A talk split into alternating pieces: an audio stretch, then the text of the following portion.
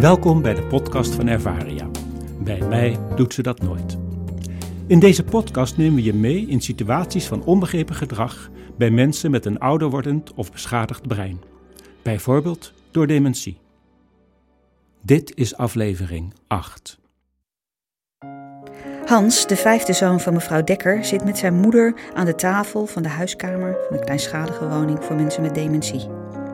Hij heeft een fotoboek van zijn jeugd meegenomen en samen met zijn moeder bekijkt hij de foto's. Foto's van het grote gezin, van de leuke dingen die ze samen deden, van zijn vader en van het oude huis.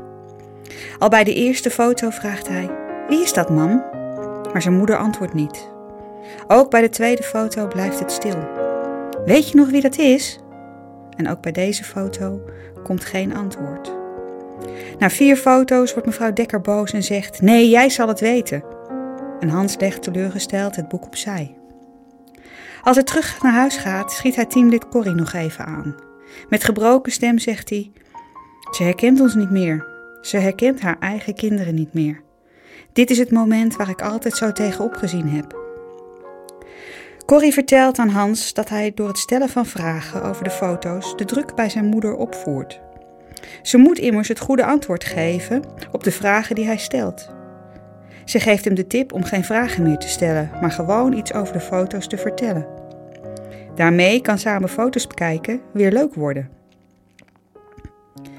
Bij zijn volgende bezoek pakt Hans na enige tijd het fotoboek weer op.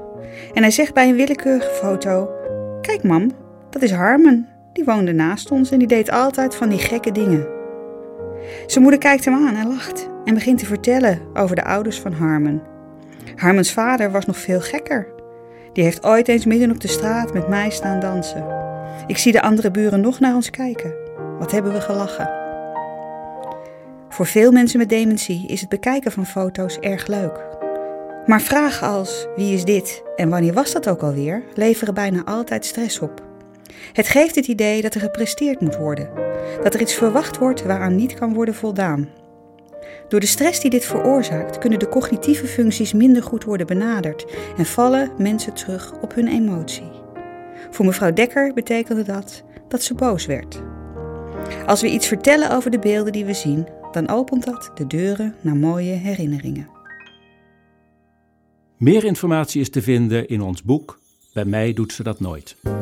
Je kunt ook de website www.ervaria.nl bezoeken of mailen naar info.ervaria.nl. Bedankt voor het luisteren.